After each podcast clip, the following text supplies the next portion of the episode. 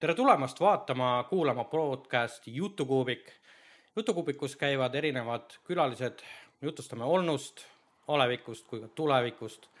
seda leiab pildiga Youtube'ist R kolmkümmend kolm Jutukuubik ning taskuhäälinguna Spotify'st kui ka Apple podcast'ist nimega Jutukuubik. minu nimi on Reio ja täna mul on siin külas romaanikirjanik Allan Keian. tervist! Nii, Allan, sinuga meil on selline lugu, et me tunneme teineteist väga, väga, väga. last, lasteaias saati. just täpselt, et, et lasteaed, kus me käisime, asub Mustamäel, ta on endiselt alles nimetusega Tallinna Liivaku lasteaed. jaa, praegu on Liivaku lasteaed, jah. endise nimega Tallinna saja kolmekümne üheksas laste päevakodu ja sa oled väga head eeltööd teinud, mina seda numbrit vist kunagi pole teadnud, nii et no nõukaajal olid jah, kõik olid numbrid, koolid olid numbritega ja lasteaed olid numbritega, et et, et kes, kes nõukaajal elanud ei ole, et siis sihuke, sihuke asi jah, et kõik oli numereeritud. just ja, ja elasime me, ütleme niimoodi lähestikku. me elasime ju tegelikult nii, et me saime üksteisele aknast sisse vaadata, olgem ausad, me elasime praktiliselt kõrvalmajades, üks elas ühel pool lasteaeda ja teine, üks elas lasteaiast äh, siis äh, otse ja teine elas siis vasakul, ütleme siis niimoodi just nii oli. Palju sa mäletad lasteaiaajast? kuule, tegelikult äh, ma mäletan väga palju, nagu üllatavalt palju, et et äh, ma olen ju tegelikult nii-öelda pärit ja sündinud äh, tegelikult Tallinna kesklinnas, et ma käisin sõimerühmas äh, nõukaajal pandi ka pooleteist aastat lasteaeda, et ma käisin täitsa kesklinnas, et mu ema ütles ka, et üks park oli, kus nagu jalutada, et, et, et ma olen muidu Liivalaia tänavalt. et aga siis äh, toona ei olnud ju, ju, ju näiteks Kakumäed, kus me praegu siin ilusas kodus oleme, on ju, ja, ja ka Viimsit, on ju, et et sellised noored pered kolisidki Mustamäele, et see oli tavaline, kui kesklinnas nagu läks, läks niimoodi, et väikse lapsega seal väga nagu olla ei saanud, et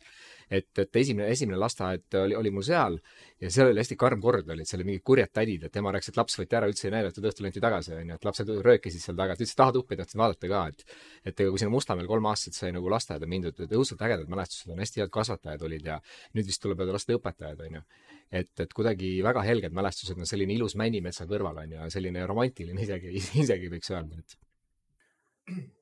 aga tulid sa lasteaeda nii-öelda null, oli meil null või? null klass või? null klass. kuule, meil oli sellega niimoodi, et, et kui ma nüüd, kui ma nüüd õigesti mäletan,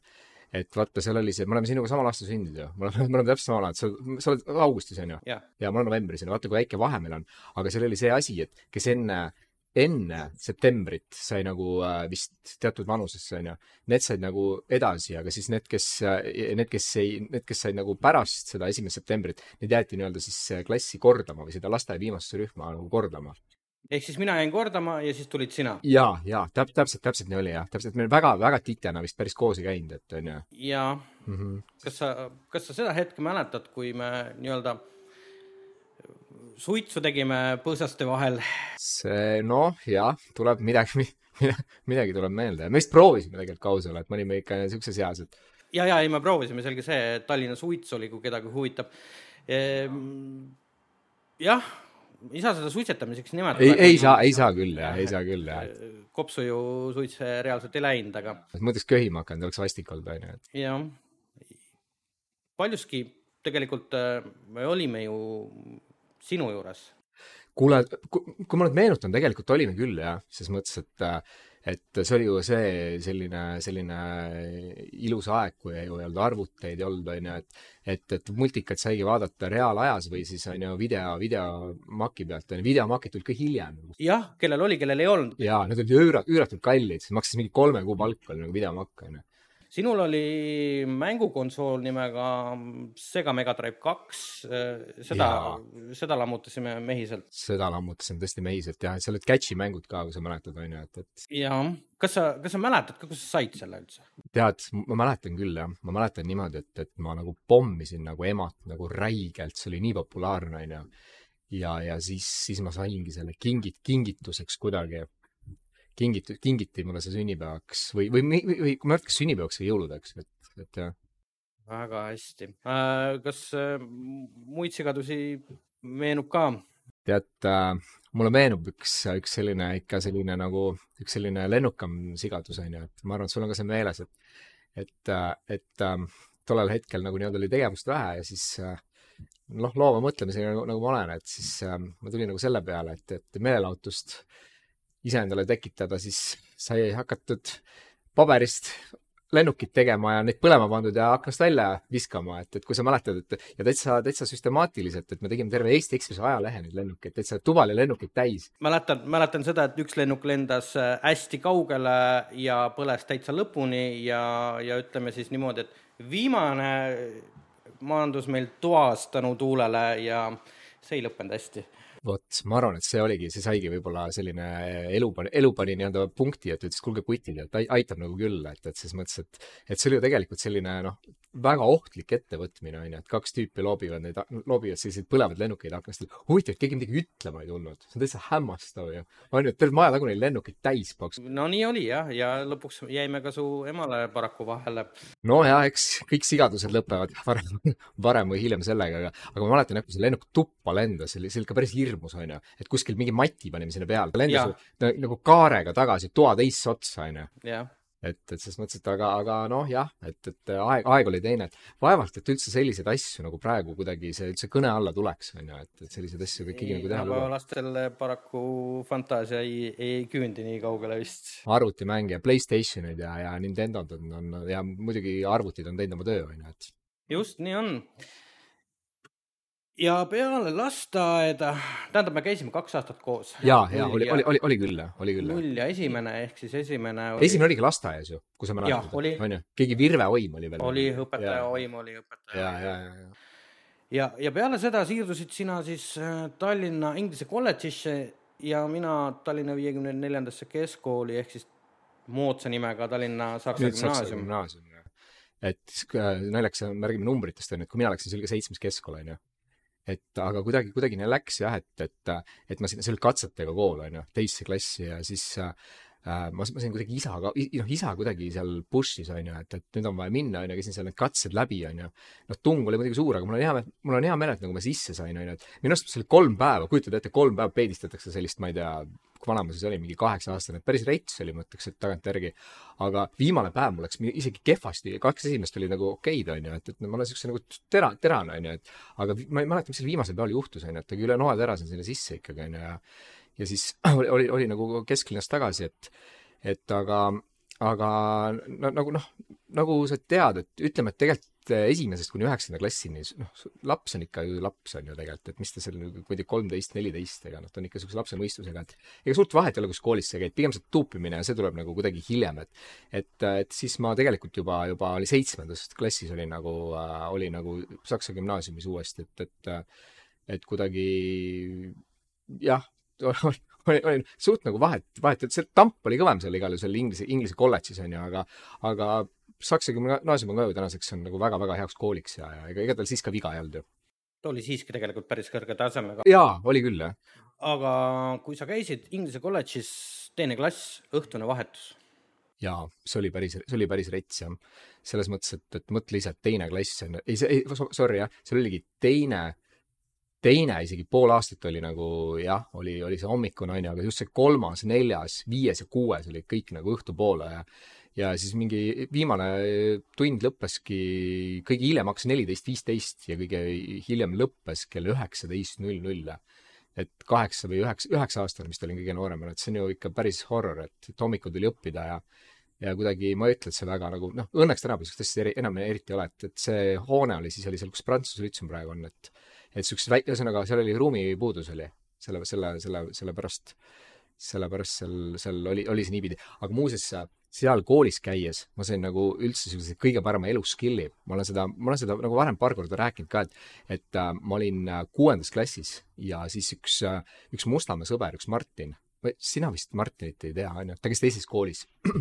Ja siis ta käis lehti müümas, onju, ja siis ma hakkasin lehepoisiks ja see andis nagu terveks eluks sellise julguse ja sellise müügiskill'i nagu, et, et ma olen ju terve elu tegelikult nagu tööalaselt müügiga tegelenud, et et see oli hämmastav, eliitkoolist on ju, müüd seal lehti, viiskümmend lehte oli sul seljakotiga, sa pidid nendest lahti saama, praegu on keelatud, lasta, kes on ära, keelad selle.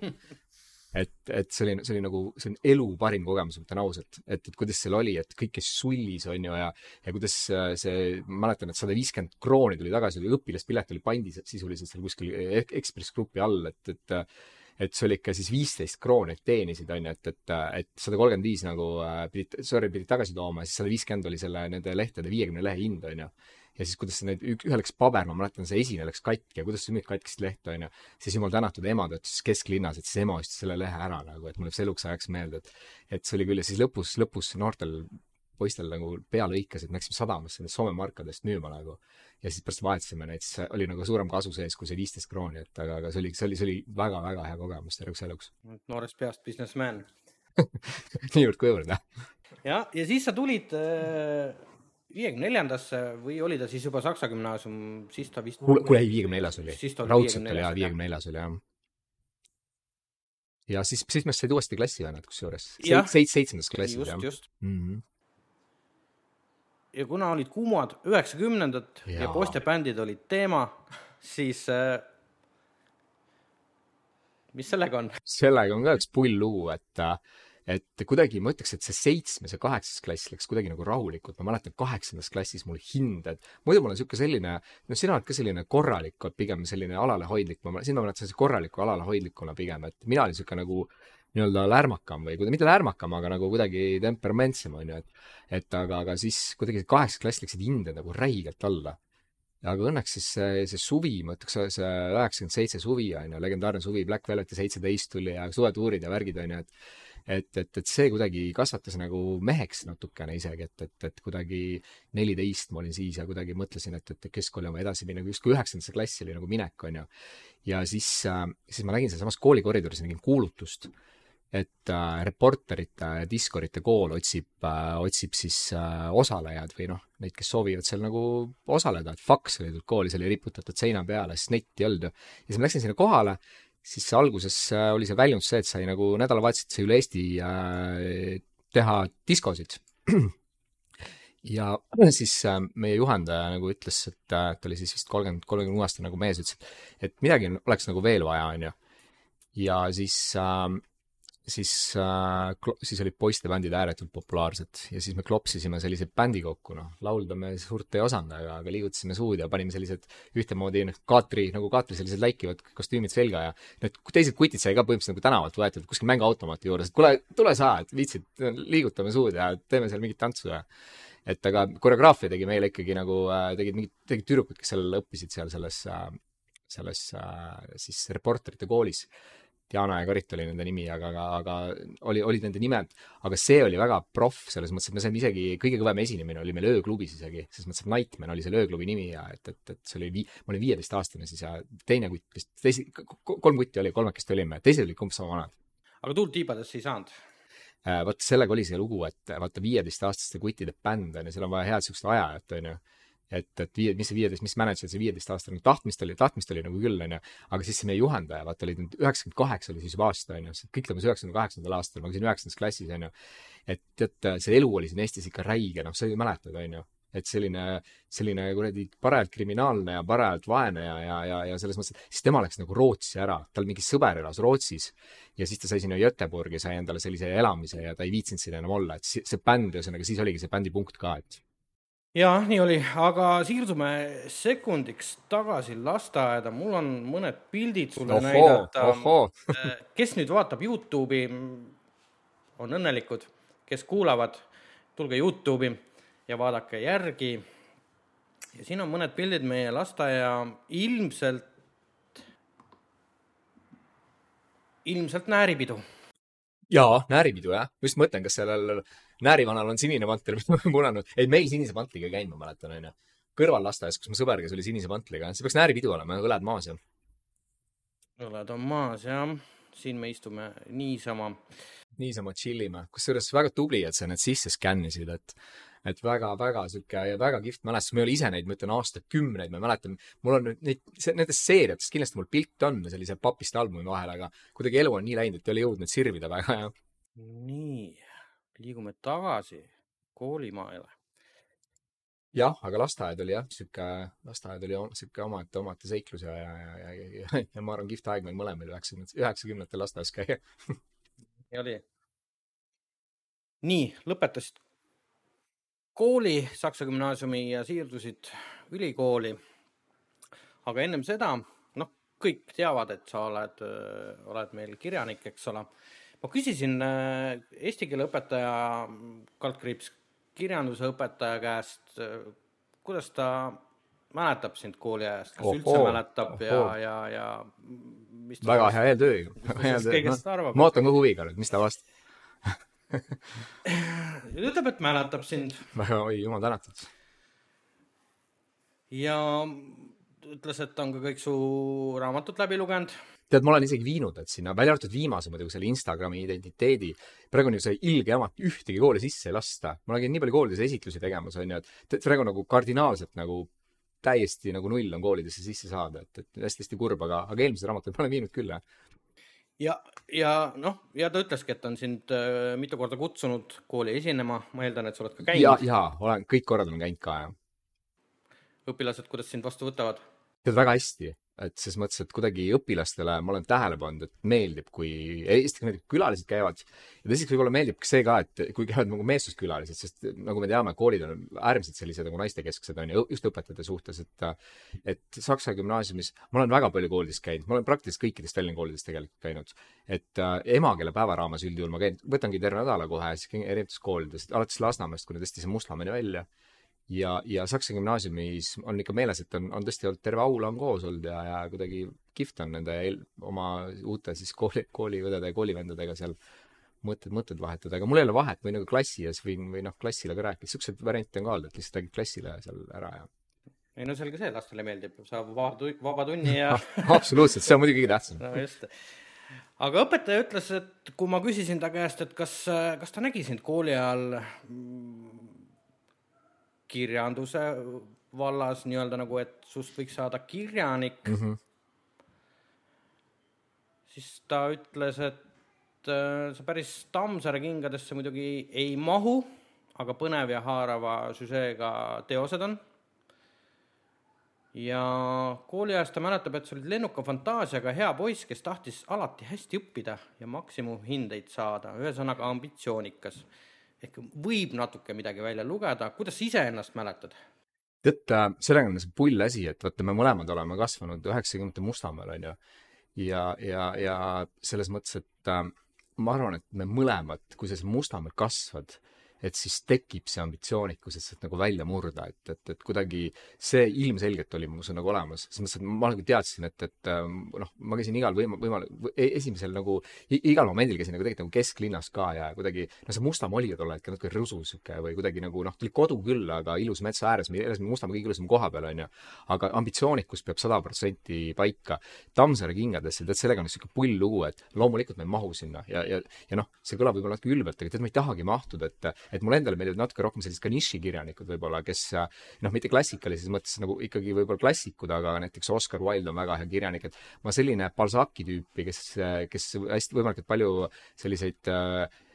romaane, mis teatud võib-olla siis riiki või, või, või ajastut iseloomustavad, et et äh, ma nagu selleks ei, selliseks ümberjutustajaks ma ei tahagi väga saada, et, et pigem ma tahangi, et mu romaanid oleks sellised nagu stiililiselt äh, sellised kiired ja, ja hoopis sellised väga omanäolised. et aga ega ma ise ka ei, ei uskunud, et, et kindlasti gümnaasiumist, kuigi mul kirjandus ja eesti, kirjandus oli viis, selles mõttes, et noh, kuna kirjanduse anne ilmselgelt peab olema, on ju. selles mõttes, et muidu see peab nagu olema välja löönud juba, et, et muidu kirjanikuks ei saa, aga aga ega, ega gümnaasiumis ma kindlasti ei mõelnud selle peale, et, et kirjanikuks saada, et, et. püsime korraks Mustamäel, suved, linnas, õudusunenägu, äh, mida sina suvel tegid? tead, mul on nagu selles mõttes, mind on õnnistatud sellega, et mul oli maakoht olemas Ida-Virumaal väga looduskaunis kohas, on ju et äh, sada nelikümmend kilomeetrit Tallinnast, Ida-Virumaa on hästi ilus tegelikult. ma ei olnud seal nii-öelda seal Vene getos Kiviõlis ja Kohtla-Järvel, et ma olin seal mere ääres, äh, kolm kilomeetrit oli, noh, põhimõtteliselt elasin nagu rannas, võib öelda, et suviti, et tuhat üheksasada üheksakümmend neli ja tuhat üheksasada üheksakümmend viis olid hästi ilusad suved. ja siis äh, ma mäletan, me tagasi hästi pruun, et mind viidigi maale ja siis tulin, hakkasin ise käima bussiga ka hästi pikk maa tegelikult, sada nelikümmend kiltsa onju. läbi Rakvere buss kolistas, ma mäletan, üks Rakvere sõber oli ka, et õnneks ma sain maal olla suved kõik ja mulle meenub tegelikult äh, sellega seoses, et äh, ühel suvel sa kohe kindlasti käisid äh, lastelaagris. jaa, sul on väga hästi meeles ja et kusjuures me oleme praegu siin sinu kodus Kakumäel, et see on siit hästi kuulsal, Nublu laulis kuulsaks kuulsa Treppoja onju, see oli seal Treppoja. ja see oli, see oli selline laager nagu Segasoma suvila ka raam-, Pipi raamatu järgi onju, et, et ähm, ku- kus see sul meeles, ma arvan, on, et, et sellest tehti telesaade just täpselt. Et seal, seal oli ka kaks äh, sellist teleprodutsendi tütart oli seal, oli seal äh, mul ei tule ta praegu nimi meelde, see, see teleprodutsent, noor äh,, toon-, toona üsna noor naisterahvas, et kes ka Laulukarusselli produtseeris. ja siis, kui tütred olid seal, siis ta mõtles, et hea mõte teha siis, teha siis telesaade ma vist lindistasin selle VHS-iga ja siis vaatasime koos onju. jaa, nii oli täpselt jah. et sihuke lõbus oli jah, kuigi ma olen laagrites nii õudselt vähe käinud. ma käisin siis pärast kuuendat klassi ja siis ma käisin pärast üheteistkümnendat klassi, ma kirjutasin ühe Euroopa siis noored, Euroopa noorte raames ühe kirjutise Eesti noored teel Euroopas, siis ma võitsin Haridusministeerium, pani mulle auhinnaks välja äh, siis rahvusvahelise ühe laagri. see toimus äh, Saksamaal Bonnis ja seal üle Euroopa oli nagu noored koos, et siis Eesti ei olnud veel Euroopa Liidus, et et see oli hästi suur asi, et maksti lennupiletidki ja elamine kinni nagu, et lennupiletid maksid toona sama palju kui ma ei tea, kuupalk vist onju, üle Taani veel oli see lend Estonian Airiga, et ja siis äh, ma tegin natuke pättust ka seal, siis oli see aeg, et äh, teatavasti kaheksakümnendatel tahtsin lennukis suitsu teha. Ja te kuulsite õigesti, et tahtis suitsu, ta oli salong pooleks jaotatud, kujutate ette, onju. ja siis seal oli see, et see oli juba hommikul, seal, seal noh, lennupiletid olid nii üüratult kallid, tahtsin hakata kanget napsi tellima, ma olin siis seitseteist ja noh, te võite arvata, kas ma tellisin viski koolaga või ma ei tellinud. Ja, ja nii mitu tükki ja tagasi tulles ka. Ma vaatasin, kui ässad tellivad, et miks mitte ja toodi vabalt, et kihvtid, kihvt aeg oli jah, see oli aasta kaks tuhat oli siis suvi, et et, et, et äh, ma natuke räägin juba siukest nagu vanakooli juttu, aga, aga mina igatsen neid aegu, et praegu selleks ju ma ei tea, pannakse vangi see stjuardess tõenäoliselt selle,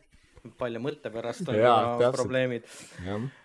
aga me jõuame korra veel natuke edasi, kaks tuhat neli oli veel üks poistebänd, Fonomen fenomen või vist jah. Fenomen või Fonomen,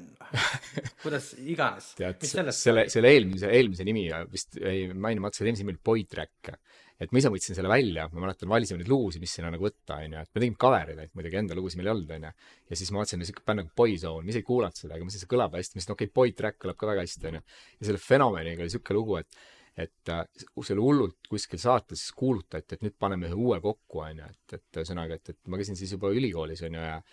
ja siis vaatasin, et ohoo, et teate, kes sinna kandideeris kõik, see Silver Laas, kes on nüüd Traffic'u vend, ma mäletan, see oli kaheksateistaastane siis, on minust natuke noorem, onju. ja siis vaatasin, et nii äge nagu punt on seal koos, et prooviks nagu ka, aga see jäigi loomata ja sellest ei saanudki mitte midagi et seda teised bändi vaata ei ole kuulnud, üks Postimehe artikkel ilmus, kus kolm, meid kolmekesti seal nagu portreteeriti. et Silver Laas, siis olin mina ja siis oli üks German Saar, kellest on mingi staarijuuksur saanud, ma teda küll ei tea, aga, aga ma olen kuulnud, onju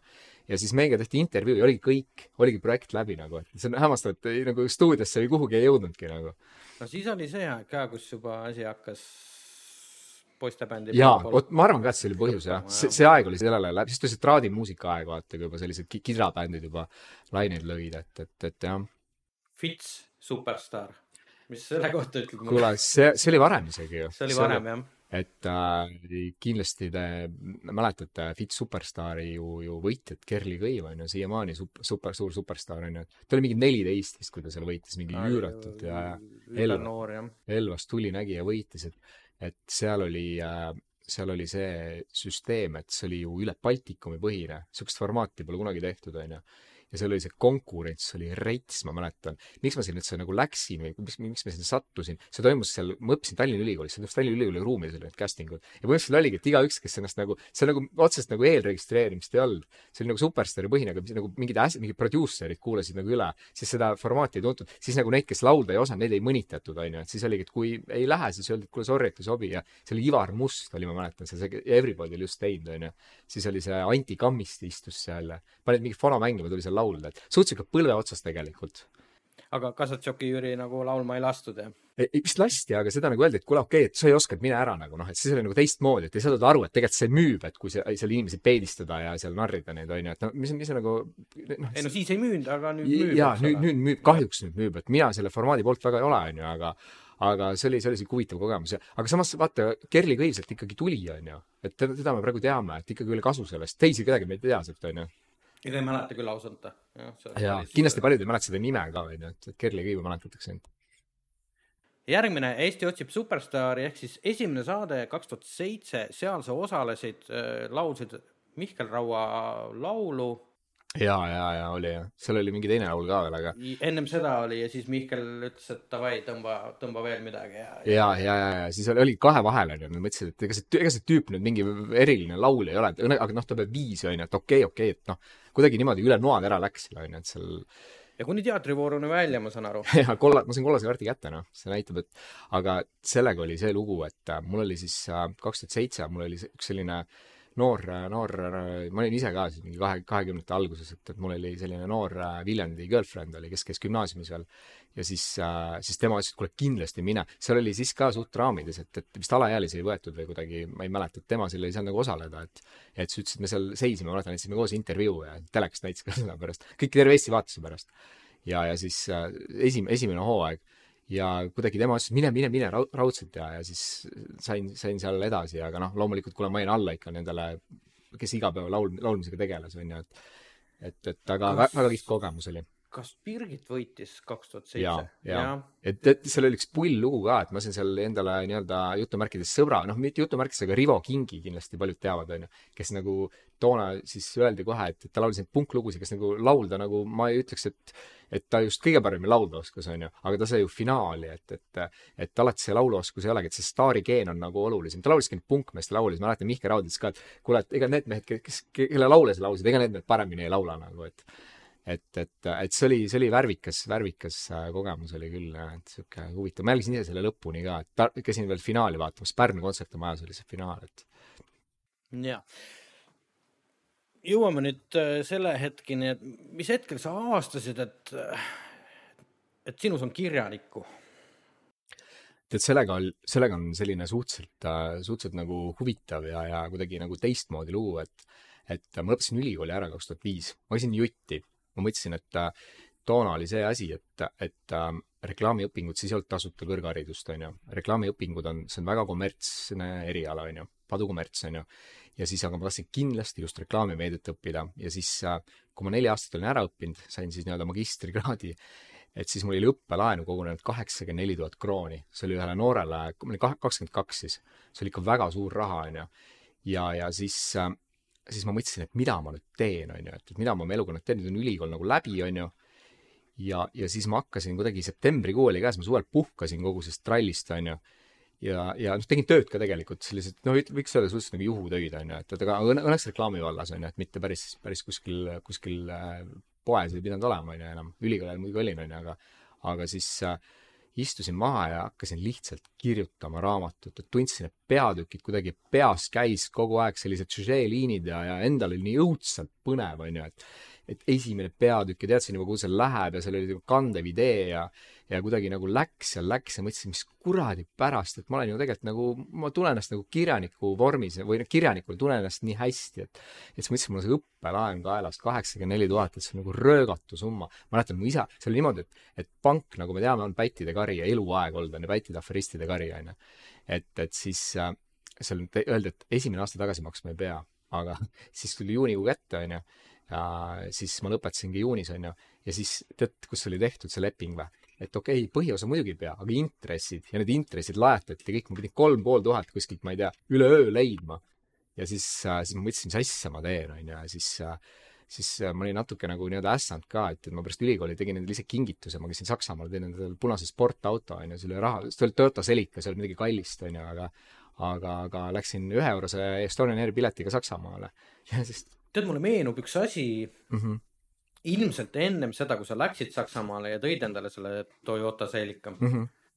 me saime Mustamäel kokku ja sa uurisid, et kas äh, minu kaudu ei ole võimalik saada Honda S kahte tuhandet. see oli pärast, see oli pärast, ja, ja see oli pärast, see S kaks tuhat oli mul selline kõige suurem unistus, onju, see on selline kahekohaline kuradi eriti võimas auto, ma tean, su venna vist oli see, onju. ja olen sellega ja, sõitnud ja. see oli mingi eriline, aga see oli, see oli umbes kolm korda kallim, see oli veel palju uuem ka, et et, et mul on isegi meeles, et, et selle Celica, see maksis ainult kolm tuhat eurot, see on ju ääretult odav, Eestis oli ta viis tuhat, onju. ja siis ma kaevasin neid saite, helistasin, ma saksa gümnaasium, helistasin, onju, lasin selle broneerida veel, maksin mingi ettemaksu, ise sealt teha veel euromakseid, onju, kuskil pa, seal pangakontoris, onju, ja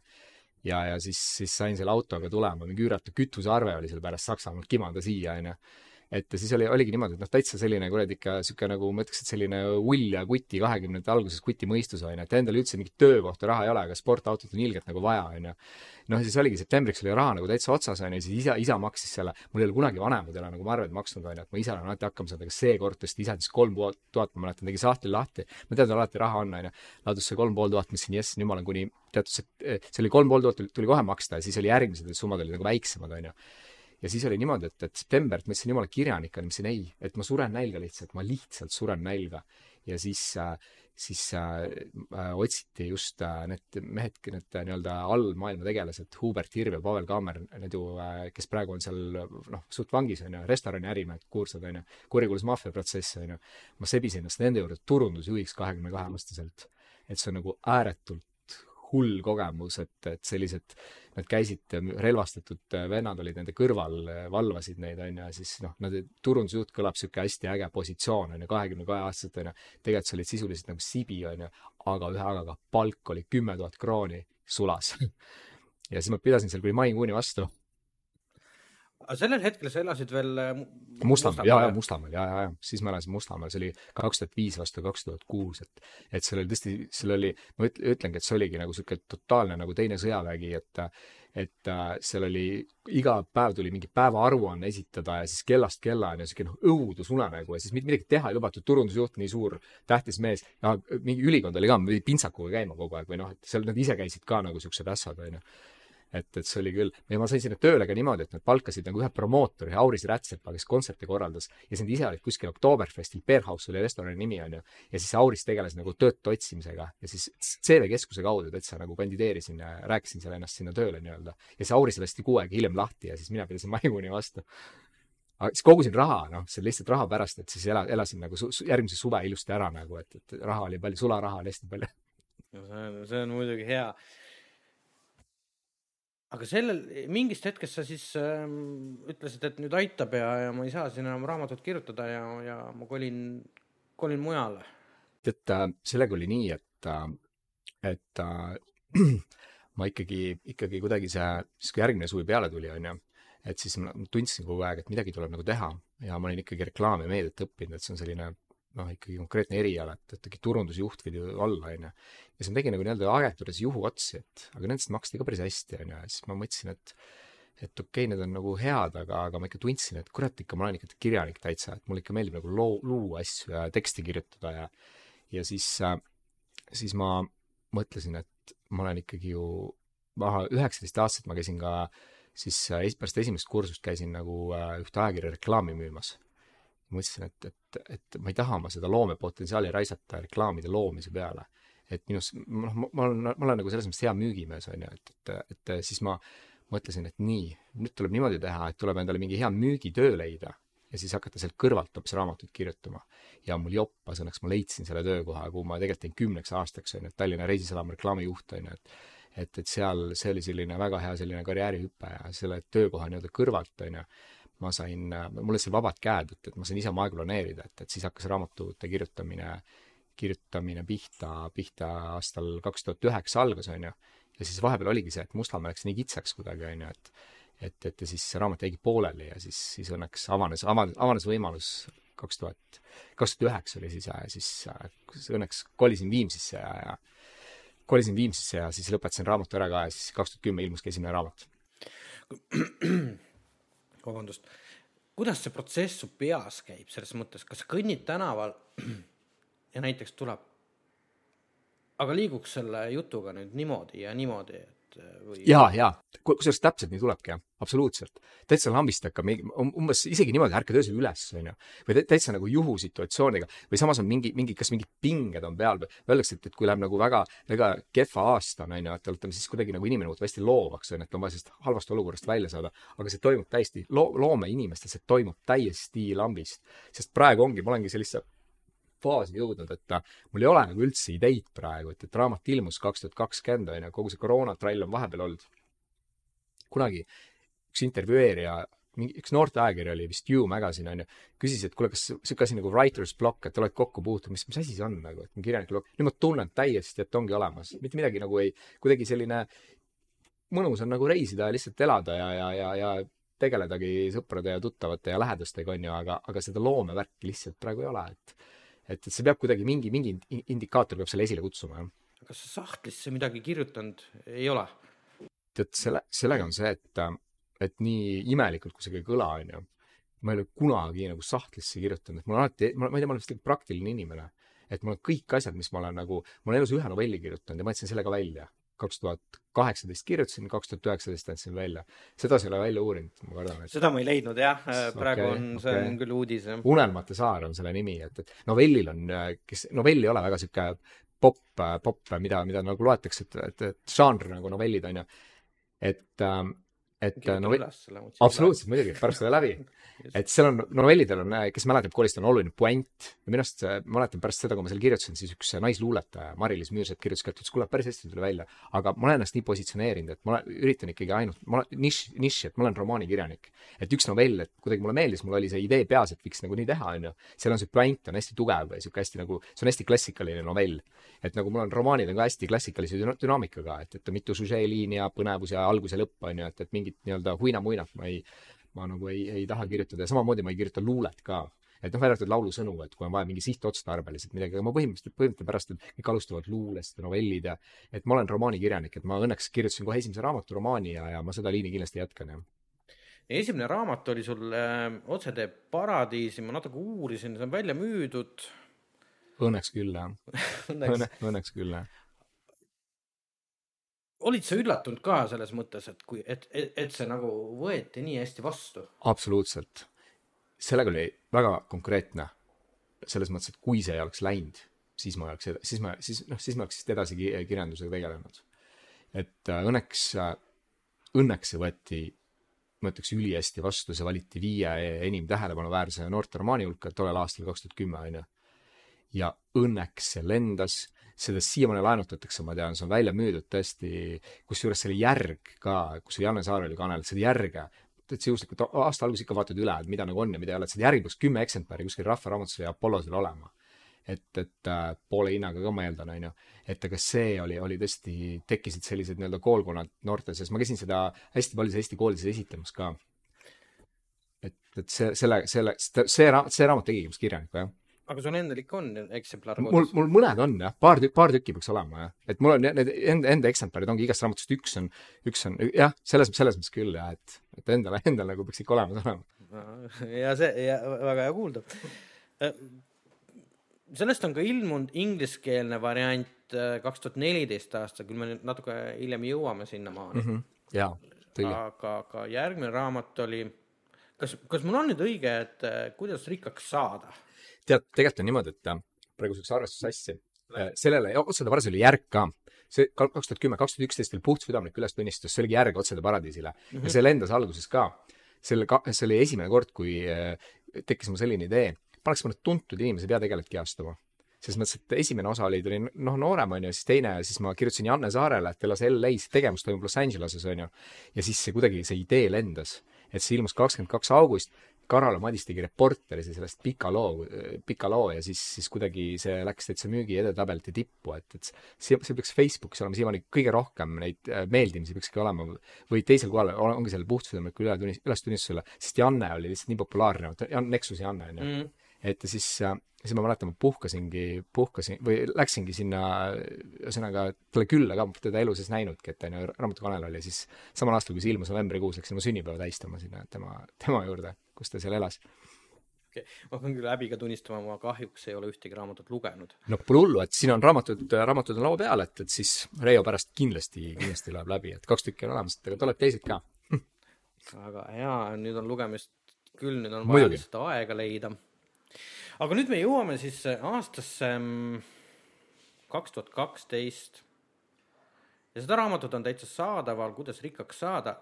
ja Urmas Sõõrumaa eessõna.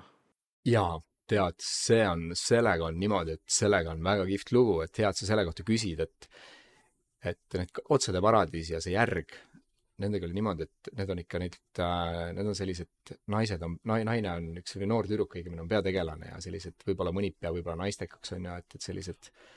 sellised, ütleme, et noh, kui ikka peategelane on, on nagu noor naine on ju, alguses noor tüdruk, kuueteistaastane, et siis äh, ma käisin äh, käisime, ma mäletan, ühes Raadio kahe saates äh,, Siin me oleme oli selle nimi, see oli selline päevaformaat, räägid selle kah tunni ajana. ja siis see Ingrid Peek oli see saatejuht, ütles, et kuule, et kaua sa neid naistekad vorbid, et tõmba üks macho võr käima, et mul jääb see eluks ajaks meelde. ja siis ma sõitsingi sinna Ameerikasse puhkama lihtsalt äh, kaks tuhat üksteist lõppu onju ja siis mõtlesin, et kurat, tõesti tõmbaks ühe macho võrri käima ja mõtlesin, üks hea meesteraamat tuleb pealkiri, kuidas rikkaks saada onju, siis oli see juba see nii-öelda nende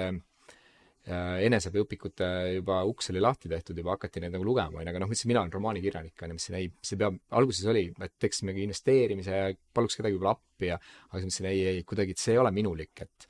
ja siis okei okay,, kuidas rikkaks saada, selline väga hoogne noore mehe lugu, onju et, et kõik oli nagu paigas, on ju, ja siis ma mõtlesin, et aga midagi oleks veel vaja, mingit head, selline turundustrikk on see Urmas, Urmas Sõõrumaa, Urmas Sõõrumaa eessõna. mõtlesin, ma võtsin lihtsalt hingekinni, et keegi seda ära ei varasta, et keegi varem ei pole tuntud inimest eessõna kirjutama, on ju. ja siis, siis äh, raamat oligi valmis äh, kevadel ja siis mõtlesin, et nii, nüüd on vaja, et mul on geniaalne idee ja siis ma kirjutasin, kõigepealt otsisin Urmas Sõõrumaa kontakti, no mitte kuskilt ei leia ta meiliaadressi ja telefoni siis mõtlesin, okei okay,, juunikuu oli käes, kirjutasin sinna kuskile infoaadressile, selline nagu üldisele aadressile ja tead, kohe tuli vastus. et jah, et, et, et tõesti, et, et tegime, üks assistent vastas, et tegime teist Urmas Sõõrumaale sellise väikese ettekande ja nädal aega hiljem ma istusin juba seal US Arcaleris pintsaks seljas seal ja ootasin härra Sõõrumaad, sest ma mäletan, ta elas just seal, siis tuli alla seal, hommikune aeg oli, ma olin kell kümme juba seal täismundris kohal ja ja siis ta on nagu ääretult kihvt inimene, et, et, et see oligi niimoodi, et me teame ta tegusid ja ta sellist nagu otsekohesust ja ja selline eh, nagu noh, mina olen veidike sihuke akadeemiline nii-öelda, et oma selle noh, üri-, raamatute ja ülikooli asjadega ja siis sihuke mulje jäi, et mehe, okei okay,, mehel on eessõna vaja, davai, teeme ära nagu, ei ole probleemi. ja kogu see eessõna on ka selline noh, ääretult selline nagu konkreetne, tabav, selline eluline, noh nagu, nagu see peategelane on kaheksateistaastane, nagu üks kaheksateistaastane kutt nagu äh, kutt nagu tegelikult elu, elu, selline elutarkus nagu, nagu seda täpselt temale, temale nagu ongi, täpselt nagu temale ongi, ongi vaja. Ja siis rääkisime seal, mul on isegi üks seik meeles, et siis mõtlesin, aga mis siis, kui oleks. ja siis Urmas Sõõrumas mulle, oleksid, ei ole siin maailmas, siis mõtlesin, okei. Okay,, sul on tõesti õigus, et, et ei ole, et et ja siis äh, saimegi, seal oli niisugune tore kohtumine ja umbes tund või paar, paar meil seal läks, saime selle eestsõna ilusti valmis ja siis äh, mina, ma koostasin ja siis ma saatsin läbi selle, saatsin talle ja siis ma sain ta meiliaadressi ka, ma ei julge seda siin praegu ette öelda, aga mul on isiklik meiliaadress, mitte isiklik, aga noh, see, kus ta meile loeb, ma tean, on ju. ja siis äh,, siis äh, saatsin selle sinna temale ja siis sellele assistendile ära ja vot si-, kui enne ma sain, ma sain sinna nii-öelda laua taha, sain nädala aega, on ju, üüratult kiire aeg. ta ju käis poole, noh, Ukrainas käis mingit turvaäri ajamas siis, et, et laupäeva hommikust oli ainult vaba aeg, on ju aga ta on ääretult suuremeelne inimene, ma mõtlen ikkagi, et inimesel on midagi vaja, on ju, et siis kohe nagu, kohe nagu et, et teeme ära, on ju, et, et see on, täna oli ka kusjuures, et äh, ma just lugesin täna uudiseid, et keegi seal jäi hätta Mehhikos, et et seal sai vist südameinfarkti ja kindlustus ei olnud nõus maksma ja siis Urmas Sõõrum, Sõõrumaa tegi eile öösel, tegi mingi kõige, kõige suurema toetuse nagu hästi, et, et noh, see näitab, et miks inimene omab Rotermanni kvartalit ja on niisuguse laia haardega, sest ta on lihtsalt nii okei okay inimene et siis äh, kuskil kuu aega hiljem, siis lõpuks tuli see juuli keskel, ma mäletan, tuli see aksept ka, et tead, et Urmas Sõõrumaa luges selle eessõna läbi ja see oli hea ja ja siis septembrikuus tuligi raamat, raamat trükki, trükist, e-, teisel oktoobril ilmus tegelikult kaks tuhat kaksteist ja ja kohe see menukiks, sest geniaalne idee oli kõigi poolt, ennem seda nagu kõik, kõik juba arvasid, et see on Sõõrumaa kirjutatud juba, et kuidagi see turundus töötas nii hästi, et panime peatüki Delfi esilehele, et, et seal see sai mingi ohtralt kommentaari ja kaks päeva tiksus seal ja see oli tõeline menuk jah, kaks tuhat kaksteist räägi mulle sellist asja, mul tekkis praegu küsimus selle kõigega, et raamatu pealkiri kui selline, kas see, kas see on sul kohe alguses valmis või see tuleb poole peal või see tuleb alles lõpus või? Tead, seinast seina, ma toon ühe näite sulle, vaat see Otsade paradiisi, ma mõtlesin, mis ma panen sellele pealkirjaks, kõik oli valmis juba. ja siis ma mäletan, ma läksin jooksma, elasin seal Viimsis, septembrikuu oli käes juba. või jah, septembrikuu vist oli käes, päris valmis ei olnud. ja siis ma jooksin, pool maad jooksin nagu ära ja siis, siis tuli, et, et noh, otsade park, see nagu kõlab nagu väga hea sihuke kujund, on ju, et inimene püüdleb millegi poole, on ju. et see tuleb nii ja naa, on ju, et siis oli nagu raamat sisuliselt valmis ja see, kuidas see rikkaks saada, see oli vastupidi, et mul oli väga hea pealkiri valmis, et umbes midagi sellist peaks olema, mul enam-vähem selle, noh, mõtlesin, kus, kus see suund võib olla. ja siis äh, selle triloogia siin, et seda, kuidas rikkaks saada, lihtsalt mul kodus ei olnud seda siin kingituseks võtta, et seda esimest osa, aga teine ja kolmas osa on nüüd reol olemas, et kirjutage ja laenake tema käest, ta tuleb ise kõigepealt läbi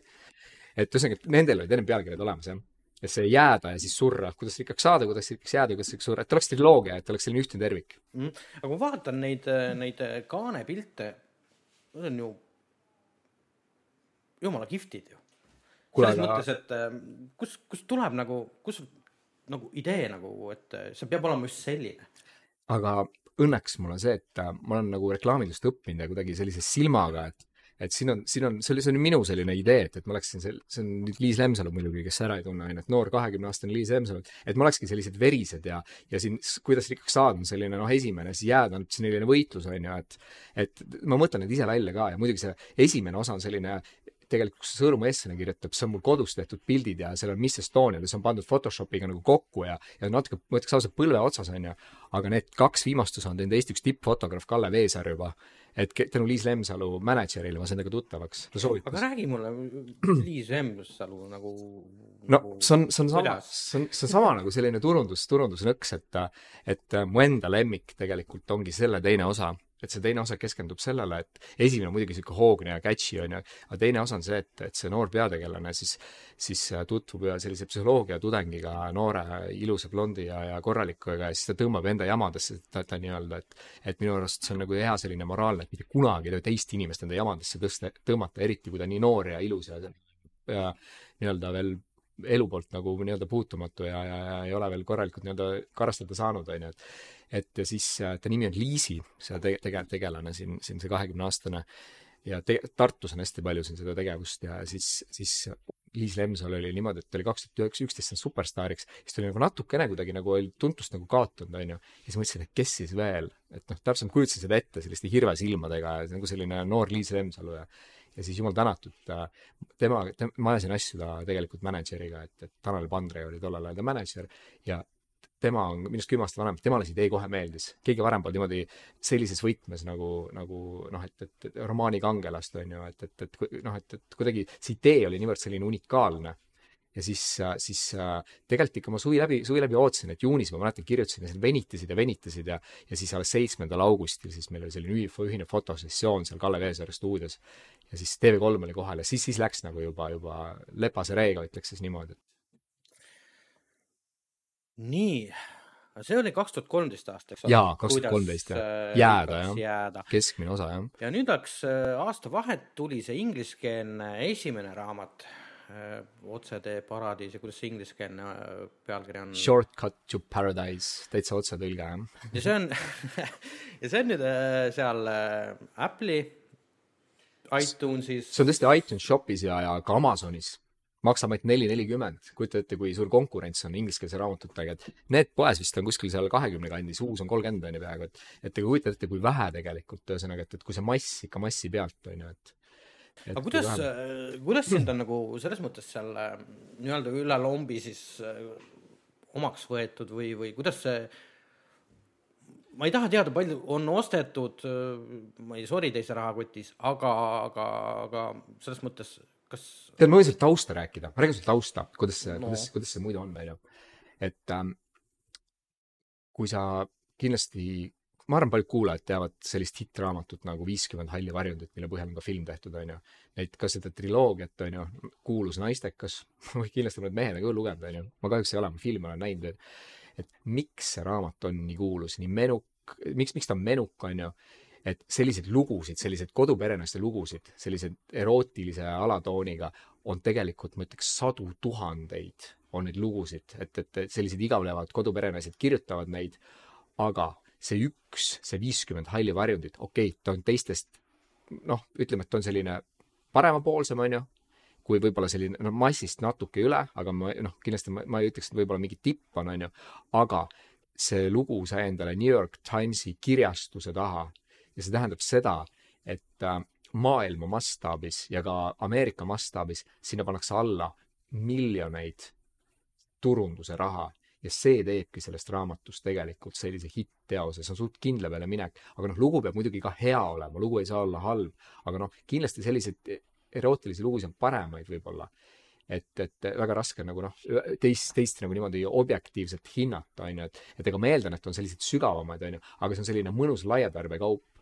ja mina olen, nagu see on mu selline auasi, et mina olen kõik oma raamatud ise välja, selles mõttes, et ma ise maksin selle tõlkimise, mul isegi meeles, see maksis toona nelikümmend tuhat krooni, see on nagu räige, raamatu väljaandmine oli kümme tuhat näiteks, on ju. et toona ma tegin neid nii odavalt, kui saab, on ju. praegu ma teen võimalikult kallilt, kui saab, et, et noh, kuna raamatud on sellised jäävad asjad, on ju, et lihtsalt, kuna ma ei ole sinna ole sinna, tegelikult ma ei ole sellega eriti tegelenud ka, et kuna seal taga ei ole sellist suurt maailma tasemel promootorite kirjastust, siis see, see ei saagi selliseks maailma menukiks kuidagi saada, et pigem see fakt juba, et äh, Eesti selline noortekirjandus on jõudnud äh, iTunes Store'i ja Amazoni, ma arvan, see on märgilise tähtsusega ja see on, see on väga kihvt, et ma keskendusingi selle triloogia siis viimase osa kirjutamise peale, et, et see, et inglise keeles ilmus, see on nagu minu jaoks märgilise tähtsusega aga ikka loetakse, ma saan aru? ja, ja ikka muidugi, ikka, ikka loetakse jah. et isegi Tallinna lennujaamas oli, ma mäletan, oli nii vähe raamatuid kui, nii vähe noorteromaane, kui on tellit-, inglise keelde tõlgitud, et, et siis oli seal nagu eraldi kõik, poster oli, oli väljas nagu, ma ise ei teadnudki kusjuures, keegi ei öelnud mulle Rahvaraamatu, et äh, e-raamatud, ingliskeelsed e-raamatud, see poster, Kaur Kenderi Check Out on inglise keeles, ma tean, et see ei ole noorteromaan küll, et. Aga läheb, läheb jah, või ei lähe muidugi nii palju, kui menukid lähevad, on ju, aga konkurents on ju maailmaturg, on ju mm.. kuule, tahtsin seda küsida, kas keegi Eesti režissööridest ei ole su poole pöördunud, et kuule, davai, teeme filmi? tead äh,, mul on nagu selline nägemus oma raamatutest kogu aeg olnud, et ma üritan, ma leian, et tänapäeval on mängufilmide raamatute kõige suuremad konkurentid üleüldse. see raamat peab, see tekst ise peab olema täpselt sama hoogne, sama põnev, et inimene raamatut käest ära ei pane, on ju et, et pigem ma sihin sinna, et mu tekstid, sest tegelikult ma olin kirjanik, ma ei ole stsenarist, on ju, ma olen ikkagi romaanikirjanik, et need raamatud ise oleksid sellised paeluvad, põnevad, on ju. Ja, ja et, et ühesõnaga, et, et ja need on mul nii rahvusvahelised just, et, et, et ka see Otsade paradiisi algus, ka Milano, Milanos on, LA-s toimub tegevus teises osas, et, et väga-väga raske, väga kallis oleks neist äh, ikkagi filme teha, et, et kas sa kas sa Sais Seno äh, raamatut Mina olen siin oled lugenud? raamatut mitte, filmi film, film oled näinud, jah? et selle, see on geniaalne Eesti, noh, ega ta ei ole tegelikult ju saanud niisama nii palju tähelepanu, on ju, et, et, et ka kõva kirjastus taga Eesti Päevaleht, on ju väga, väga, väga hea raamat. aga see film, okei okay,, ega filmil ka nagu viga ei ole, aga ta viib ikka raamatule nagu oluliselt alla. Eestis ei saa teha nagu low budget'iga sellist ägedat filmi kahjuks et, et sellel ei ole lihtsalt, et pigem las see tekst olla selline ülihea ja rahvusvaheline. et, et ma arvan, et, et kui triloogiast teha film, et, et see eelarve peaks olema suht müstiline. ma tahtsingi jõuda sinna, et ära eestlastega koostööd tee. väga õige, väga õige nii, aga, aga siis on mitu aastat vahet ja ilmub siis triloogia kolmas raamat Kuidas rikkalt surra ja, ja, ja, ja, ja eessõna Eerik-Niiles Kross absoluutselt, absoluutselt. et äh,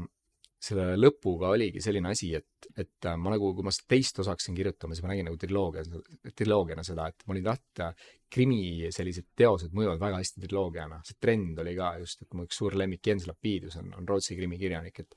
et see mõjus nagu hästi nagu kihvtilt, kui on selline triloogia, et kolm erinevat osa ja ja siis oli, siis oli mul nagu teada, et ühel päeval, et, et ühesõnaga, et okei okay,, triloogia nüüd tulemas.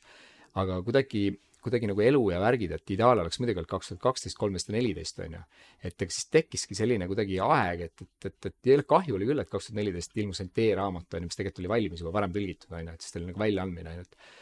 ja siis äh, aga õnneks isegi võib-olla see seedis ja ma tahtsin, et see viimane osa, see kindlasti see on kõige tugevam triloogiast, see raudselt kõige selline küpsem, tugevam, kõige paksem ka, on ju, et et ja siis äh,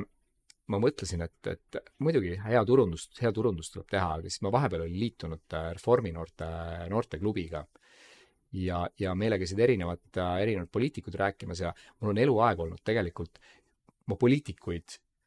suures plaanis ma ei salli neid, nad on egoistlikud siin Eestis, nad on nagu kõik enda kasu peal väljas, selles mõttes, et, et kuidagi selline eputamine käib nagu, et, et äh, tundub, et need trügivad inimesed, kes nagu mitte millegi muuga nagu silma paista ei suuda, on ju. Et äh, võib-olla see on nagu räigelt öeldud, aga mulle tundub, et Eestis me oleme ikkagi, ikkagi veel selle sellises, sellise, sellises äh, ütleme, et show kapitalismi siis faasis oma poliitikutega, et, et USA-s on ju asi natuke teistmoodi, et, et, et kellel on nagu raha liiga palju ja kes tahab ühiskonna jaoks midagi teha, on ju. Eestis oli saatelisi poliitikuid, peale Lennart Meri, ma arvan, et, et äh, Eerik-Niiles Kross ongi üks huvitavamaid äh, persoone, ta lihtsalt nii kohutavalt, mulle tol hetkel nagu nii-öelda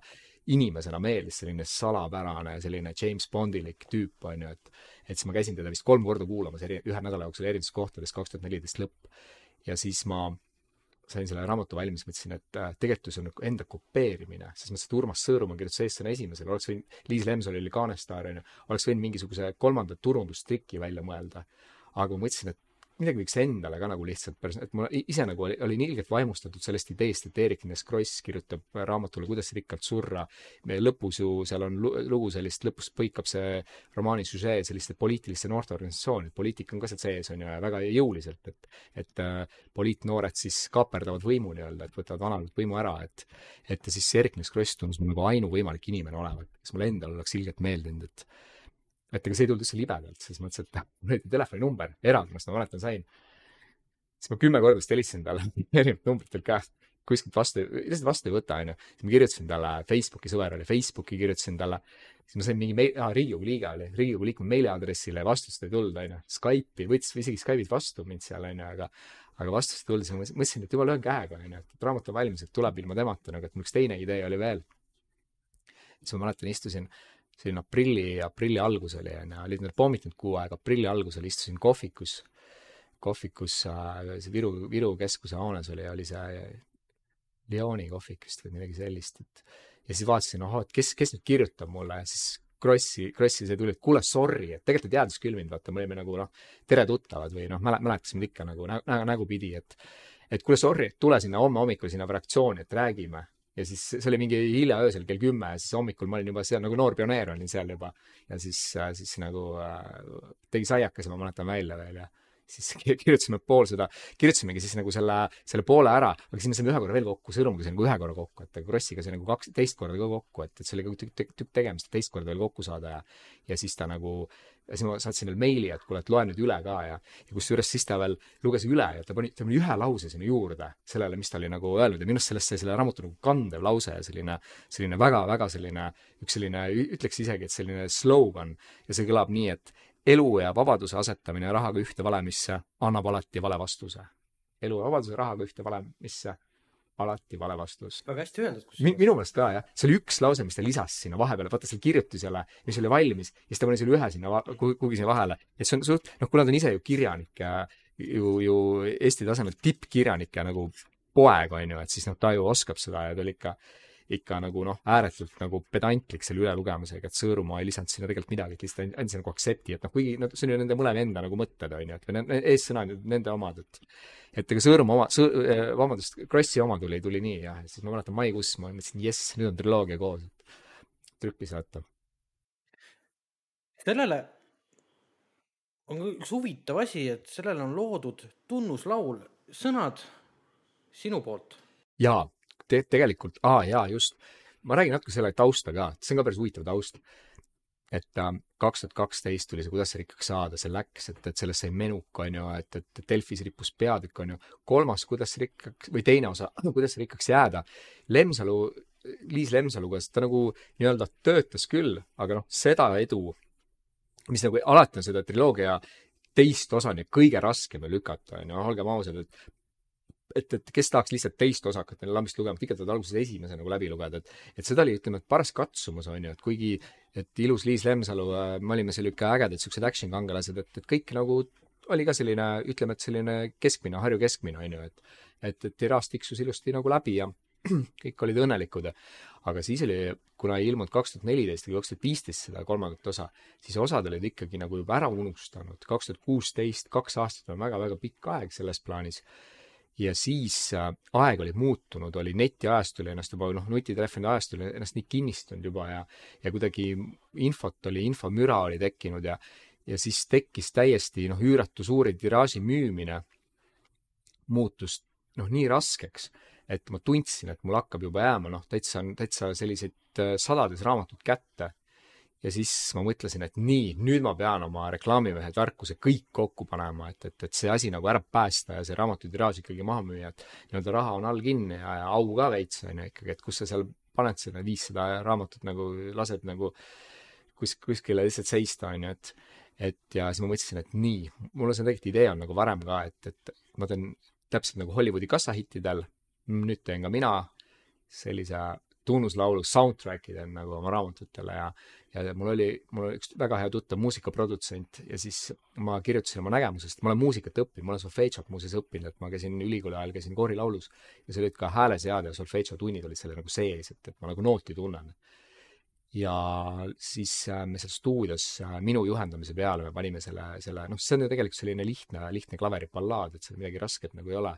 ja siis me panime selle laulu, laulu kokku, ma tegin muidugi sõnad, sõnasid tegin mitu korda ümber, ma parem laulusõnu teinud, päris raske oli alguses, kõik see algus, isegi seal oli, see on duett ja see naislaulja isegi ta laulis juba ära. Ja siis me tundsime, et see ei kõla hästi nagu see algus just ja siis ta läks laulis uuesti.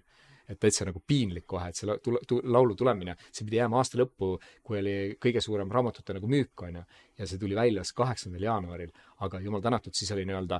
pilt oli tühi, meedia oli nagu täitsa vaba, et siis sai võib-olla paremat promo isegi ja, ja, ja siis üldiselt tegelikult on, et jõuluaeg on nii täis tumbitud just, kõik ja just, kõik andsid oma raamatuid välja ja, ja jumal tänatud tegelikult, et elu niimoodi seadis, et, et Tartus on see salvestatud, kusjuures luu on Tallinnas tehtud ja Tartus on äh, see Slim muusikastuudio, et need muusikud mängisidki selle, need on Tartu muusikud kõik, kes selle nagu sisse mängisid, et et üks huvitav, huvitav nagu, huvitav, aga mul oli see mingi selline nagu kinnisidee, et, et noh, veits selline noh, heas mõttes, et, et ma tahtsin seda, kuna see idee oli kihvt, et soundtrack teha, et keegi teine pole varem teinud nagu profilugu ka, onju. et siis mõtlesin, nii, nüüd ma teen selle ära ja, ja siis, siis õnneks nii see läks, jah. nii, kuna ma sind sotsiaalmeedias jälgin, eks ole mm. -hmm. siis äh, olen aru saanud, et sa oled hirmus suur Bondi fänn. jaa, jaa, nii on jah, tõesti Bondid, ma, ma seda, ma ei valeta, ma käisin viimast Bondi kinos vaatamas, paku mitu korda. ma ei tea, äkki kolm, kahe, kahe kuu jooksul, kahe kuu jooksul. äkki, äkki mingi kolm-neli korda jäid selle juurde või? tead, õige vastus on viis. Ah, okei, ja õige vastus on viis. mind kutsuti esilinastusele, ma olin ühe naiste ajakirja kolumnist terve eelmise aasta ja siis mind kutsuti kohe esimesel oktoobril esilinastusele. noh, siis olid kinnistada, käisin nagu teist korda, onju. siis ükskord äh, ühe tuttavaga ka, siis Mustamäel käisin äh,, ei, kolmandat korda käisin ka veel kesklinnas, neljandat korda käisin, üks ütles ka, kuule ma nii õudselt läks minema, siis okei okay,, tulen ka. ja siis oli, oli niimoodi, et, et mu lemmik, mu lemmikkino on Coca-Cola Plaza, ma ei tea, see on mingi siuke legendaarne kino, onju. ja siis ma vaatasin, et see pannakse kinni ja see film läheb nagu ära sealt ja see on ju nauditav vaadata kinoekraanil mingit väga head kvaliteetset filmi onju, ilmselgelt väga kallis film. mõtlesin, lähen viiendat korda ka vaatama ja läksin, siis oli- pärast seda pandigi kino kinni kohe, et, et kuuks ajaks onju. aga kas sa Matrixit oled ka jälginud või see pole sinu rida? kus kahjuks ei ole jah, vot äh, mul on plaanis järgmine nädal seda uut ikkagi ära vaatama. mine, ära mine ei, lähe ära mine, tähendab, et sa võid minna, kui sa pole esimest, teist ja kolmandat näinud, okei, ei ma olen, kahjuks ma olen näinud, kahjuks ma olen näinud jah. siis ära mine. Okei, jama, jah? ütle ausalt, me räägime otse asjadest. jaa, täielik crap lihtsalt, mul on täiesti, mul on, mul ei ole isegi rahast kahju mm, -hmm. vaid Mhm. Ajast, mul on isegi ajast kahju ja mm, -hmm. ja ma ei mäleta viimati, millal mul oleks filmi vaadates ajast kahju olnud, see oli see oli nii pikk film ka onju. ta ei olnud nii pikk, aga, aga, aga, aga okei, aga ta lõppes niimoodi, et sellele peaks järg tulema mm Mhm. -hmm. ja tegelikult ma eel, e- eelmine nädal või noh, see nädal nüüd kuulsin, et et plaanitud järg äh, siiski jäeti ära, kuna ta kassatulu ei ole see, mis mis okei. soovid, noh, sa võid muidugi minna vaatama, aga mm, -hmm. aga ma ütlen, et see on täielik pettumus nagu.. Aga ma fänn ei ole ka ja pigem, pigem ma ei lähe, et mulle siuksed, ütleme, et selle Matrixi puhul oli ka ju see asi, et esimene oli nagu väga hea onju, aga teine, see Reloaded ja, ja, ja mis see Revolution vist oli onju, need olid jamad ju tegelikult onju. punnitud, punnitud tehnoloogia. ja just jah, punnitud triloogia jah, esimene oli just mõnu, siukse nagu väga unikaalse ja väga siukse sügava kandva ideega tegelikult onju. et aga, aga ma olen nõus, ei, kui sa ütled, et ma ma ei ole ulmefänn, et selles mõttes, et, et kuidagi ulmekirjandus on ka hoopis midagi muud ju. või kuidagi, kuidagi see ulme on minust väga kaugeks, see Harry Potterid asjad, et ma lugesin hästi elulisi raamatuid Astrid Lindgreni ka lapsena onju, et et ma, ma ul-, ulmest hoian nagu eemale, filmid, raamatud, kõik, et see ei ole üldse minu rida jah. nii, sotsiaalmeedia, jaa, Instagrami identi- identiteet. identiteet kõigile, kusjuures keel sõlme, sa pole ainus. kuidas see sündis üldse või mis, mis selle ajendiks oli või, või mis inspiratsiooniallikas on, ma saan aru tegelikult, et äh, sotsiaalmeediaga on seal suht vähe pistmist. tead, nii on jah, sul on täitsa, sul on täitsa õigus, et, et vaata, polnud nagu raamatud ilmunud tükk aega, see triloogia väsitas korralikult ära ja, ja tahtsin nagu muude asjadega ka tegeleda ja, ja aga siis ma mõtlesin, et nii, kaks tuhat üheksateist esimene jaanuar oli käes mõtlesin, nii, nüüd ma kirjutan raamatu, et ma olen kirjanik, et nii ei saa lihtsalt, et niisama niimoodi tiksuda ja rei-, õudselt palju reisisin just sellel eelneval perioodil, kaks tuhat seitseteist, kaheksateist, on ju. esimene jaanuar käes, mul tekkis selline idee, et äh, kirjutadagi nagu sellisest hästi ühiskonda tekkinud valupunktist, nagu selleks on identiteet, sellega manipuleerimine, sellel teemal nagu raamat. ja siis mul tekkiski see, see just see kandev idee, et kirjutaks raamatu, kus inimene müüb oma identiteedi nagu raha eest. sest me saame ju luua sotsiaalmeediasse ükskõik millise identiteedi, see ei pruugi üldse reaalsusele vastata tegelikult, on ju ei no ongi jaa, sa ja, paned pildi, et mingid olen... ilu, ilupildid ja, ja, ja paned pildid, et sa oled teises maailma otsas, sa oled Ameerikas on ju, tegelikult ma ei tea, oled kuskil koopas ja, ja ma ei tea, kaevavad kraavi. Lamborghini najal pilti ja ütled, et No see on sinu ja tegelikult jaa, lihtsalt just- tänava pealt suvaline auto, eks ole. jaa, no umbes midagi sellist, no see on siuke hästi primitiivne, aga noh, saab lavastada ka siukseid nagu natuke ikka täitsa nagu su suuremaid valesid, ütleme niimoodi. ja kuidagi nagu see idee täitsa lambist, nagu sa ütlesid, et lihtsalt tuli, kuskil pime külm aeg oli, lihtsalt tuli. Ja siis ma mõtlesin, kohe hakkasin need tegevus na- nagu, mõtlesin, et Instagram on nii kuum teema, on ju, et, et ma tean, noh, raamatutel teen promo ka Instas, et lihtsalt sellest ei saa üle ega ümber, on ju. ja siis äh, üks uus teema ka, mis on ju maailmas kõige kirjum krüptoraha siis mõtlesin, okei okay,, ma pean neid nagu kuumi teemasid ära kasutama, kuumasid teemasid ja,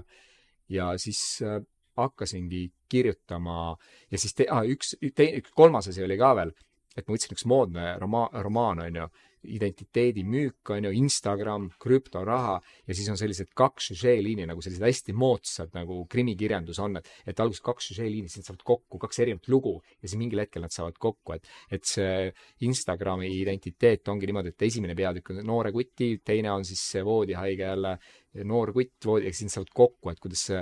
voodihaige, siis ma nii palju räägin ette, et see voodihaige teeb ettepaneku täitsa, et, et noorele kutile, kuule, et aga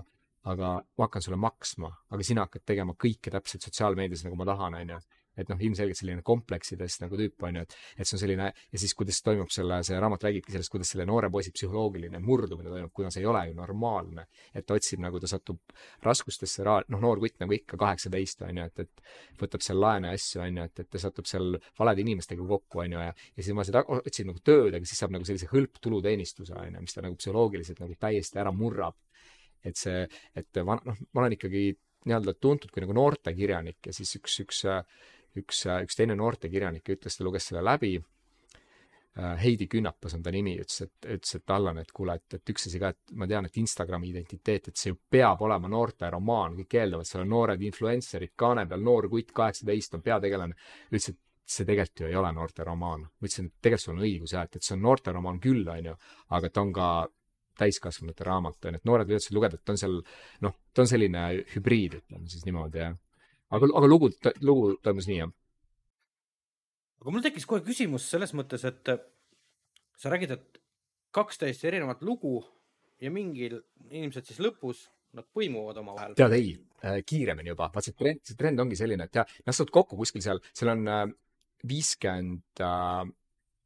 viiskümmend peatükki täpselt selles raamatus ja nad saavad kokku juba seal kuskil,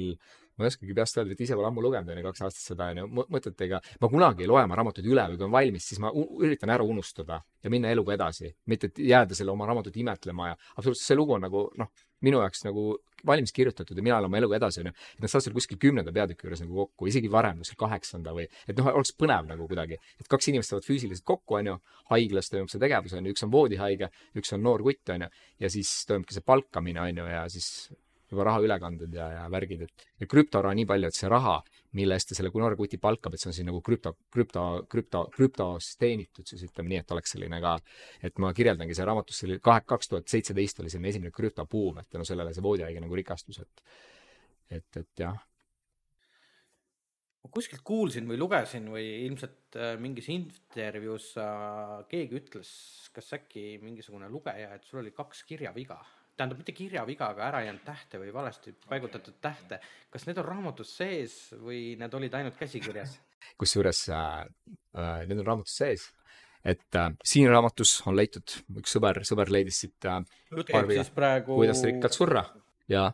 absoluutselt, te teate, üks väga piinlik viga on ka raamas inst-, Instagrami identiteet, näete, mul endal läheb ka keel sõlme, onju.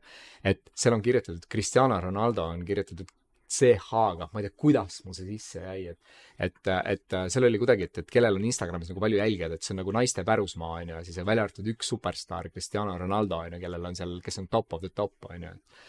et ühesõnaga vigu jääb ikka sisse ja et kuigi on korrektuurid ja toimetajad ja, ja vigu, vigu, vigu jääb sisse ja et see on, see on inimlik, noh, raamatud peavad inimlikud olema no see oleks jah, õnneks veel. ja, ja äh,. tahtsin su käest küsida või, või jah, mingi hetk sa,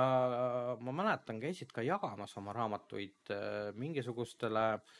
ma tean, et sa vihkad sõna suunamudija ehk siis inf-, influencer itele, Eesti omadele ehk siis äh,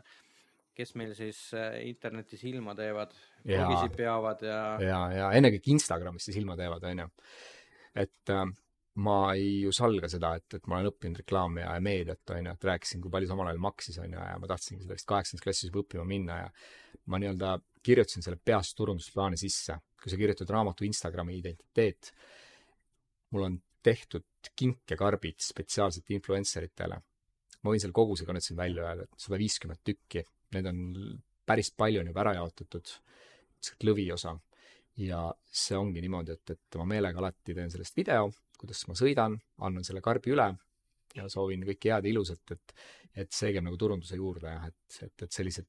nagu me teame, siis influencer itele meeldib hästi kingitusi saada, et, et kuidagi selles maailmas sees olla, järjest raskem on ju seal silma paista, et raamatud on ju suures plaanis sellised igavad ja kuivikute omad, on ju, et et aga see raamat on, on, on juba noorte, sest tänu sellele ka on, on, et, et need äh, tuntud influencer'id on, on neid nagu jaganud ja lugenud, on, on saanud päris populaarseks. kaane peal on ka ju kõige suuremad kõige popimad ju Katri Kats ja, ja Diana Noop, et et, et ses mõttes, et kuna raamat on ikkagi, kuna tegelikult ta räägib ju nii tõsisel teema nagu identiteedi müümine, aga ta pealkiri on Instagram, et seda tuleb ära kindlasti nii-öelda noh, nii-öelda väikest viisi nagu ära kasutada turunduse mõttes on ju, et, et selline nimi on. sa ütlesid sada viiskümmend tükki? jaa oskan võib-olla, kui hästi hea päev on, võib-olla kümme influencer'it nimetada. mul, tead, mul oli sama jah, mul oli sama alguses jah, ma ei osanud, ma ei osanud neid kaanestaare ka eriti nagu valida alguses. ja siis muuseas Katri Kats on meie kooliõde, et sa teaksid Saksa gümnaasiumist ah, ja okay., ja Anu Kursvid äh, ütles mulle, ütles mulle kirjandusõpetaja jah, et see oli nii, nii tore nagu äratundmine, et, et, et teine neiu on, on et alguses, kusjuures oli üldsegi teine plaan, alguses oli plaan, et ma ühte neist tundsin toona, noh nüüd ma tunnen paljusid muidugi isiklikult, on ju, et ma tundsin Anita Sibulat, tundsin isiklikult, aga tal oli nii kiire elu, et alguses oligi tema sinna kaanele planeeritud, aga siis tema koha siis hõivas üks Tartu, Tartu Diana Noop, et kes kohe oli, kes kohe ütles, jaa, muidugi teeme ära, ma sõidan Tartust Tallinna või Tartust Tallinnasse ja ja siis oli, kui see eriolukorra esimene päev oli, neliteist märts, et siis me, siis meil oli Kaanes shooting oli seal, et ma mäletan, nad helistasid kõik üle mulle kuule, kas ikka teeme, kas ikka toimub või? ma ütlesin muidugi toimub, raamat peab ilmuma, onju, et et, et, et aga tead, neid on palju, neid influencer eid, õudselt palju, et raamat äh,, ütleme, et, et või mitte raamat, vastupidi, just Instagramis elu keeb, et, et, et, et sa pead lihtsalt sellesse süübima, et mida rohkem sa seal oled, seda rohkem sa uusi, uusi avastad ja, ja, ja iga ju hetk, kui me siin räägime praegu, et ja siis nad saavad ju likee ja, ja neid follower, follower'e saavad nagu juurde ja neid tekib järjest juurde, juurde, juurde, et, et mina neid noh, avastan ka järjest, järjest nagu rohkem. Õnneks seda raamatut juba teatakse siis, kui ma selle ettepaneku teen, et kuule, et, et, et nüüd on aeg sinule kinkida, et, et üldjuhul see võetakse hästi positiivselt vastu ja ma oma vabast ajast teen seda, et see ei ole mingi selline sihipärane, et nüüd ma otsin ja, ja teen, et siis, kui satud kellegi otsa või kuskil kuuled, et siis kuidagi jah, mõni on muidugi mitte vastu ka kirjutanud, aga, aga, aga ma arvan, et see, et noored seda raamatut loeksid, et see noorteni jõuaks. Ja kuna pealkiri on ka, et siis see on nagu üks parimaid et nagu kuidas rikkaks saada, Sõõrumaa eessõna on õigustatud, et siis ma arvan, et et Instagrami siis influencer itele neid jagada on nagu väga hea idee. aga räägi tulevikuplaanid, näed sa ennast, et sa oled äh, viieteist, kahekümne aasta pärast endiselt kirjanik? jaa, sada protsenti jah. et kohe sada protsenti, et oligi, et, et kui ma just mõtlen nagu seda, et see algus oli suhteliselt nagu raske ja keeruline, on ju, et kui sa oled nagu sellest jamast välja ujunud ja jõudnud esimese raamatuni ja jõudnud teadmisele, et sa oled kirjanik, siis äh, sada protsenti. Ma tean, et ma kirjutan veel häid raamatuid, lihtsalt kahju, et praegu selline täitsa niisugune loominguline nagu plokk on peal, on ju, et, et ma räägin, et me eelmisel aastal ongi, ongi nii-öelda kogu töö ongi see, et, et noh, peale muidugi reklaaminduse, on ju, mis nagu noh, päri nagu raha teenimiseks, on ju, et, et teistmoodi tööks, on ju, et, et ma kirjutasingi naiste ajakirja, kirjutasin terve aasta aega kolumne, on ju, ja siis uh, that's it, aga, aga seda, see fotomodell, kes oli Instagrami identiteedikaane peal, ta õpib näitlejaks, ääretult ka noh, intelligentne poiss, Karel Käos, et et siis ta küsis ka, et, et, et ma rääkisin ka, et siin pausid on tekkinud ja triloogia, kinks, kinksin talle ka viimase osa sellest triloogiast, sest siis ei olnud ilmunud ju seda Instagrami identiteeti, kus kaane, kus kaane peal ta on, onju. ja siis ma ütlesin kaheksa aastat sisse, siis ta väga huvitava teema, ütles, et kuule, et pidid seedima, et see kvaliteet vist ei olnud nagu see ma ütlesin, tead, tead, sul on õigus jah, et, et, et võib-olla praegu peabki laagerduma kõik, et see kvaliteet oleks hea, sest ju kirjutamine väsitab ka ja, ja alati ei ole heas vormis, et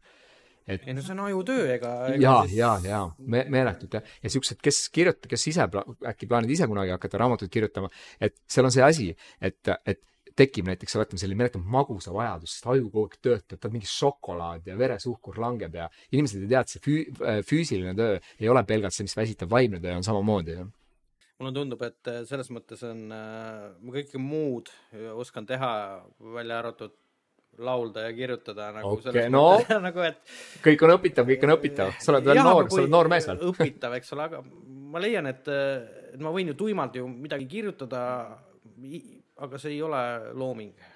aga samas mõttes seda, et, et meie tänane, sinu esimene muuseas Youtube'i saade, see on ka, see on ka looming no,. et kui sa, kui sa endale sellise väljendusviisi oled leidnud, ma arvan, tao seda rauda alguses, tao seda rauda. mina Youtuberiks ei hakka, ses mõttes, et, et mul on hea meel, et mu hea klassivend on hakanud, et, et kui, seda tuleb teha, mis nagu meeldib ja, ja ilmselgelt äh, sa oled siin seda vestlust juhtinud juba tubli tund, ma arvan, et sa saad sellega väga hästi hakkama ja see on kõige tähtsam ma võin nii palju rääkida sellest, et äh, see ei ole mul ju esimene noh, sellel kanalil küll on esimene mm, -hmm. on, mhm. on teisi kanaleid, kus, mis ma tegin mm -hmm. kolm-neli aastat tagasi ah, okay, kokandust okay. natukene, seal ma küll ennast ei näita mm, -hmm. aga, aga mesilastega tegelemine. ja, ja kõige raskem asi, mis oli, oli astuda kaamera ette, sinna rääkida mm. -hmm. ja kui ma hakkasin seda videot kokku panema mm, -hmm. siis ma sain aru, et kaamera ees olemine ja rääkimine on köki-möki seda hiljem ise arvutis kokku monteerides, vot see on raske. just, just. sest et enda häält kuulata, iseennast vaadata, paljud ei tule sellega toime ja jääbki see asi sinna maani, nii et kes üritab ja tahab, siis kindlasti tehke. absoluutselt, ma olen, ma olen sama, samat meelt, see on ka looming nagu kõik teised ja ja tegelikult siin ma võiks ka tuua paralleeli raamatutega, et, et üks asi on nagu teksti kirjutamine Wordis on ju, peatükkidega, teine asi on raamatu väljaandmine, et ta füüsiliselt, see on sama nagu lihtsalt kokkulõikamine, et ta, et tast saaks nagu professionaalne selline kuulatav ja, ja, ja käigukatsutav võib-olla nii-öelda toode, et, et see on ka väga oluline. aga tulles korraks veel äh, sinna sinu selle laulu juurde. jaa et äh, me olime jah, kaks pikka päeva olime, olime Kõue mõisas äh,, see on novembri lõpp kaks tuhat seitseteist ja detsembri algus, Soome Vabariigi taasise, iseseisvumine oli ja, ja me nägime tõesti kurja vaeva, et ootused olid hästi kõrged, see esimene on kohe see droonikaader seal ja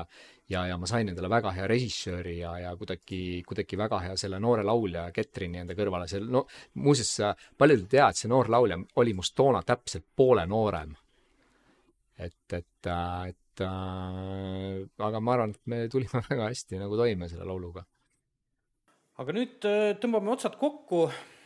Youtube'ist saab siis vaadata R kolmkümmend kolm äh, jutukuubik ja, ja kuulata seda Spotify's ja Apple'i podcast'is. ja kui sa oled ära kuulanud selle nii-öelda audioversiooni, siis tule kindlasti Youtube'i vaata, sest et ma panen siia käima nüüd video ja, ja, ja lasteaiapildid jah, kindlasti seega jälle kohtumiseni. lugege raamatuid. just, tšau